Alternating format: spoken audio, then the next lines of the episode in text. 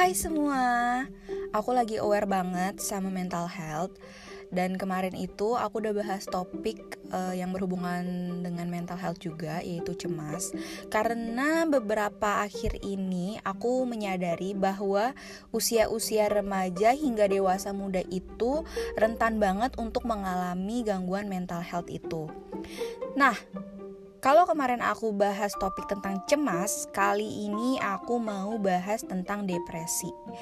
Tapi aku lebih menekankan di sini uh, untuk membahas ciri-ciri depresi yang perlu banget kalian ketahui karena ini tuh penting untuk kalian tahu uh, cara mengatasinya.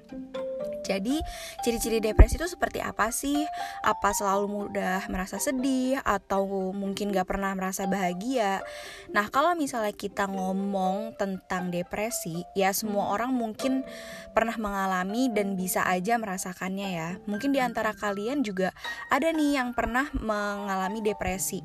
Tapi penting banget untuk kalian tahu lebih dulu bahwa si depresi itu merupakan salah satu penyakit kejiwaan yang sampai saat saat ini tuh masih banyak banget disalahpahami oleh masyarakat dan mungkin kalian juga masih sering e, menyalahartikan depresi itu seperti apa sih.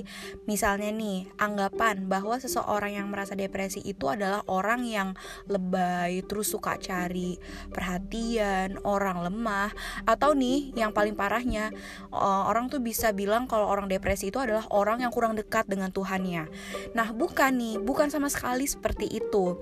Jadi depresi itu tuh sebenarnya tuh sakit. Sakitnya itu di fungsi otak. Cuma yang berbeda adalah gejala sakitnya.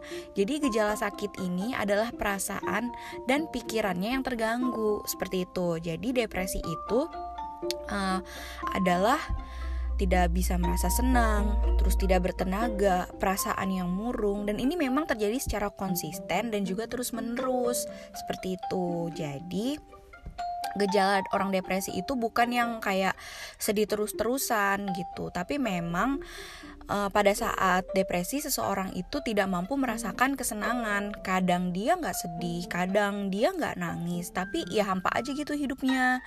Jadi kalau misalnya orang nih udah mengalami kondisi sampai depresi berat, terkadang juga bisa membuat kayak dirinya tuh menarik diri dari lingkungan sekitar. Ada yang memang kayak maunya tuh kayak mengurung diri sendiri aja, tapi yang nggak selalu begitu. Kadang bisa juga depresi itu membuat kayak kita tuh ngerasa males aja gitu ketemu orang-orang, uh, males ketemu temen-temen seperti biasa, males berinteraksi juga sama orang-orang kayak gitu.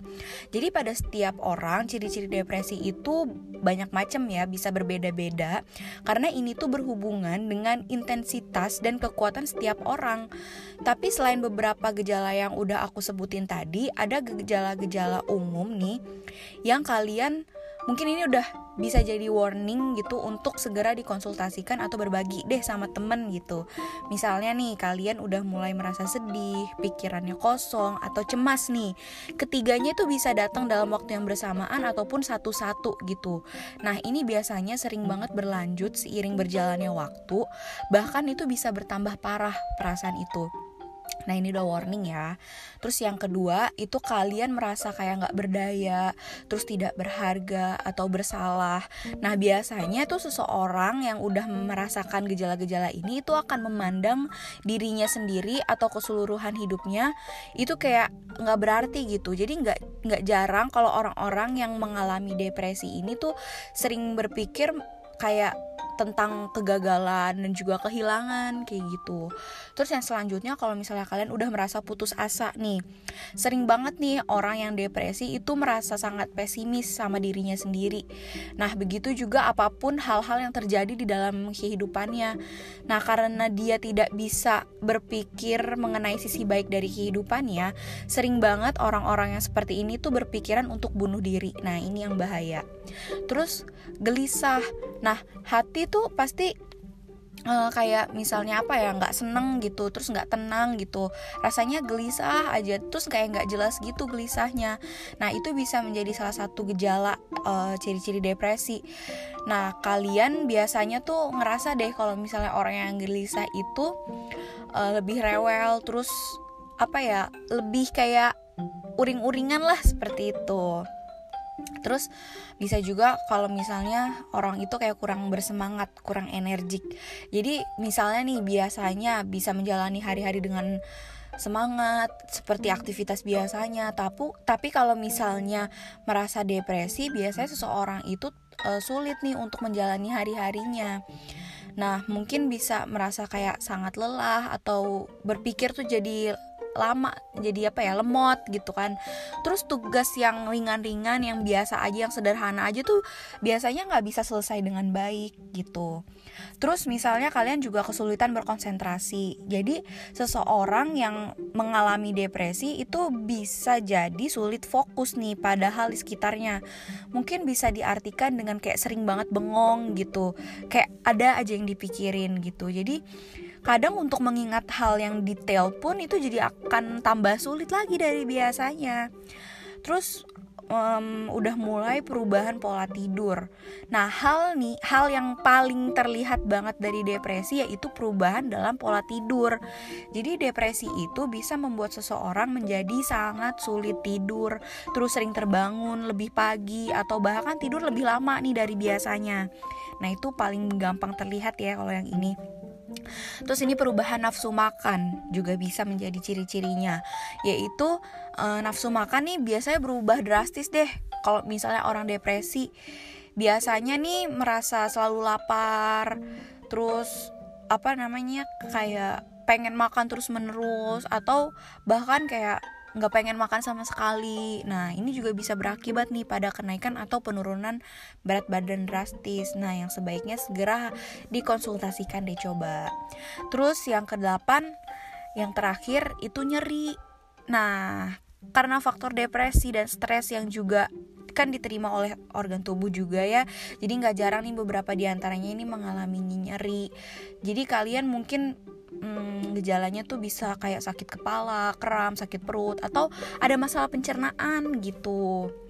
Nah, sekarang kalau misalnya kalian ketemu sama orang-orang yang seperti itu tuh, apa sih yang bisa kalian lakukan kalau misalnya ada teman kalian, kerabat kalian, keluarga kalian atau siapa pun itu orang terdekat kalian mengalami depresi, apa sih yang bisa kalian lakukan?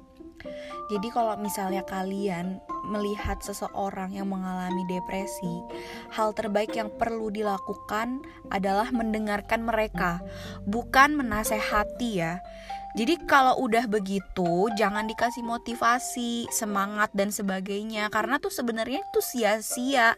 Dengerin aja gitu. Dengerin aja orang itu dan ajak aja ke profesional kalau misalnya mau mengeluarkan uang ya. Nah, kalian tuh hanya perlu tunjukkan kepedulian kalian dengan empati gitu. Jadi kalian kayak seolah-olah tuh turut merasakan apa yang mereka rasakan.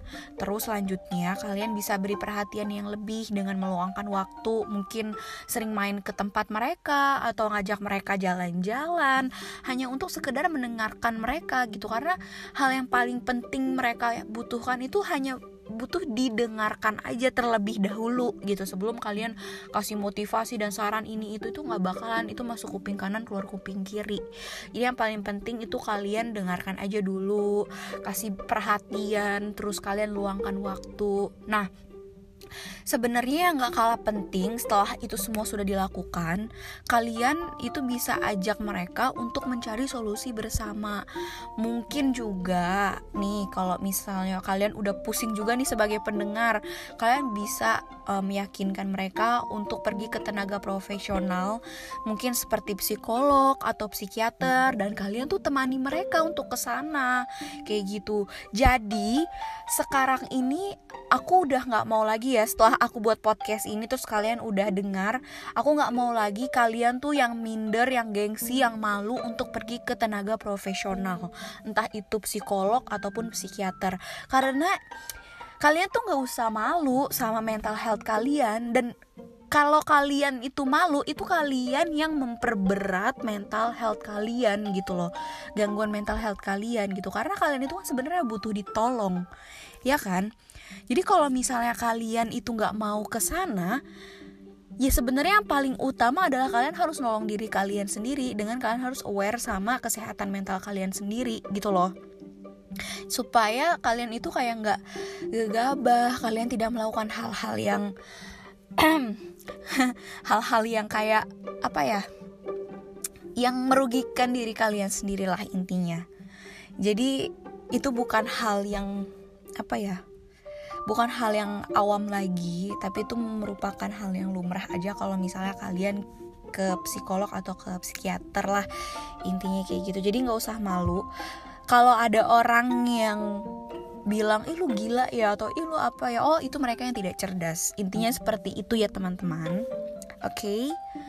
baiklah Uh, terima kasih ya buat teman-teman yang sudah mau mendengarkan podcast ini. Terima kasih banyak. Jangan lupa di-share di seluruh sosial media kalian atau di-share ke teman-teman kalian yang mungkin ternyata ini tuh topiknya pas nih buat mereka. Jadi siapa tahu dengan topik ini mereka lebih aware gitu dengan dirinya sendiri. Dan juga Semoga ed edukasi ini tuh bermanfaat dan sharing hari ini juga bermanfaat untuk kalian semua untuk lebih tahu lagi depresi itu sebenarnya apa sih. Jadi ternyata depresi itu bukan yang sedih terus-terusan ya teman-teman, ada banyak banget tuh tadi ciri-cirinya udah aku sebutin. Jadi semoga sekarang udah lebih paham lagi. Oke. Okay? Ya udah, terima kasih ya teman-teman semua. See you on my next podcast. Bye bye.